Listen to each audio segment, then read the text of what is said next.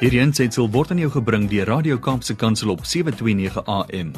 Besoek ons gerus by www.kapsekansel.co.za.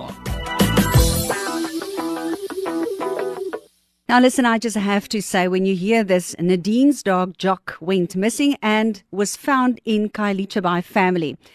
The owner of this dog, Nadine Zipfel, is on the other side of the line to tell the story. Welcome, Nadine. Yes, good morning to you.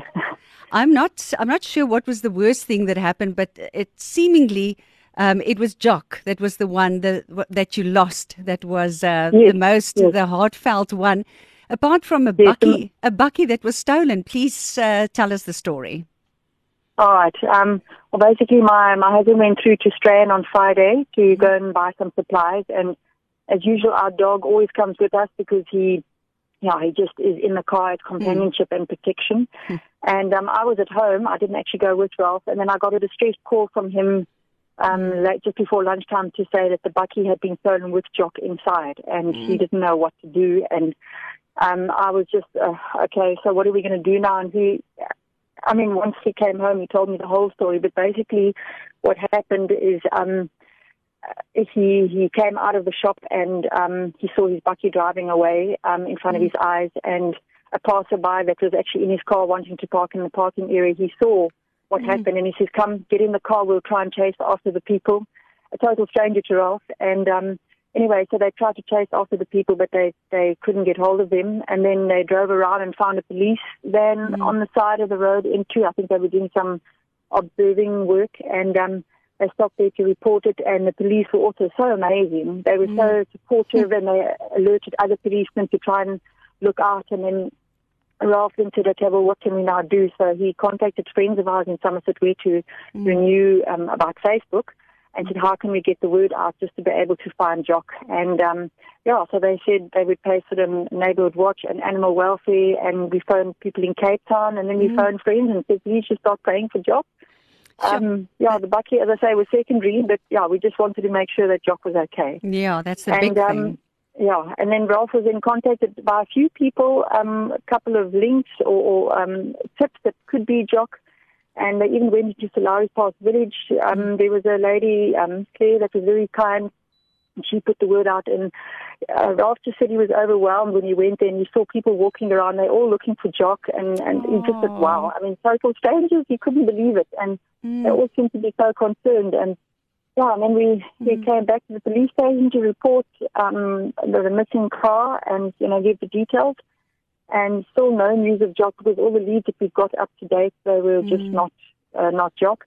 And um, finally, in the late afternoon, we got home, and yeah, just, we didn't know what to do. We told our kids, and they were say, "Well, what happens to Jock now?" I said, "I don't know. We just have to keep praying." Yeah. And in the evening, we were could hardly actually sleep, and my husband just said, "You know what? There's no use. We're going to just worry too much because you know your fantasy goes wild. hmm Um, you can just think what could happen to this dog Yes. um, if he gets into the wrong hands. So we just prayed about it and said, you know, God, please just give us peace. You know that Mm. you know where he is, and uh, we just have to have peace about it now. And yeah, and then at least we could sleep a little bit better. But the next morning, I said, come, let's get out and go back Mm. Yeah. to Strand where we last saw Totally. him. And let's see. And once we were in the car at the place where it happened, we got a phone call. Now, before um, of the we blue, before we get to that one, Nadine, Nadine, Yes. before we get to that one, uh, how Yes. I found out about this story was on a safety community group. Um, and it Yes. seems like these groups are, for more reasons, they are there than just protecting, um, you know, the the um, communities, but they're also protecting the animals and the the hearts of the community. And this is what happened here. But the amazing thing is, you know, sometimes people say, how can we pray and ask God for a parking? How can we ask God for a dog? But I mean, this affected everybody's life. And it was so incredible that because of a dog, a whole community took hands in prayer. And that is, Oh, yes, for me personally, that is such an encouragement, you know, when it comes to looking after our animals. But yes, then you got a call, and this call is what really said to me, listen, we need to get the story on air. Tell us about that. Oh, okay.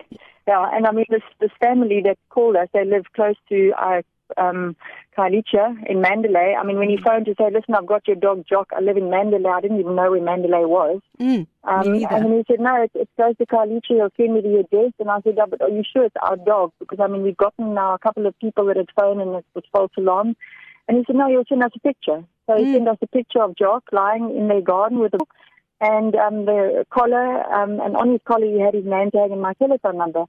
So I Mm. just said, yes, that is our dog. Mm. Um, please hold him and keep him there, and we are there straight Oh. away in the next half an hour. Yeah. So we drove to him, and um, we then didn't actually quite realize it was in, um, as I say, bordering Khayelitsha, Mandalay, and we drove in the area, and um, we actually got led to the wrong house at first. We used the GPS, Mm. and um, when we got out wanting to go and speak to the guy that was outside, he says, "What are you doing here?" And we said, "No, we come to get our dog." He says, "No, no, no, no, you shouldn't be here. This is a totally dangerous area. You should only come in here with police accompaniment." And we said, "No, no, no, we're just actually coming to quickly get our dog." And he says, "No, no, no, no, you can't go on your own now because these people could be, you know, scamming you or whatever. Let's Yeah. just rather make sure that you're safe." So his friend that was visiting him at the time Mm. and just said, "Come, follow us." And he they followed us all the way to the house, and then when we got out and they saw it was a family that was authentic and with a dog in the yard, and they knew, okay, fine, and, and then just left, and we thanked them, and we went into the house, and then the kids told us, oh, that morning Jock arrived at the gate, and they were playing with the ball in the garden, and they just he played with them, and I think he was just so thankful because that's what we do with him at home. We play a lot with the ball, and Yeah. um, he was just, I think he felt that, and kids, he loves children as well. So he felt, I think, safe with them. Mm. And we were so grateful for this family as well. And they didn't even realize that Jock was stolen Mm. and that our bakkie was stolen. And they just said, no, well, they're so happy um, that, um, uh, that we can have our dog back. And we wanted to give them a reward. And we said, here, we want to give you a cash reward. And they said, no, no, don't worry about it. And I said, no, really, please. It's been such a blessing for us. Uh, you've reached out to us. You don't know what it means for us to get our dog back safely, really. Wow. And so, yeah, and that's a family Smith from Mandalay. So I'm very happy uh, that they were just, yeah, kind and concerned enough to actually phone us. Absolutely. Because Yeah. sometimes people just think, oh, it's just a dog, you know, we're not going to worry. Yeah. But, um, yeah. It's just amazing how yeah how God actually sent the infrastructure and He prepared it.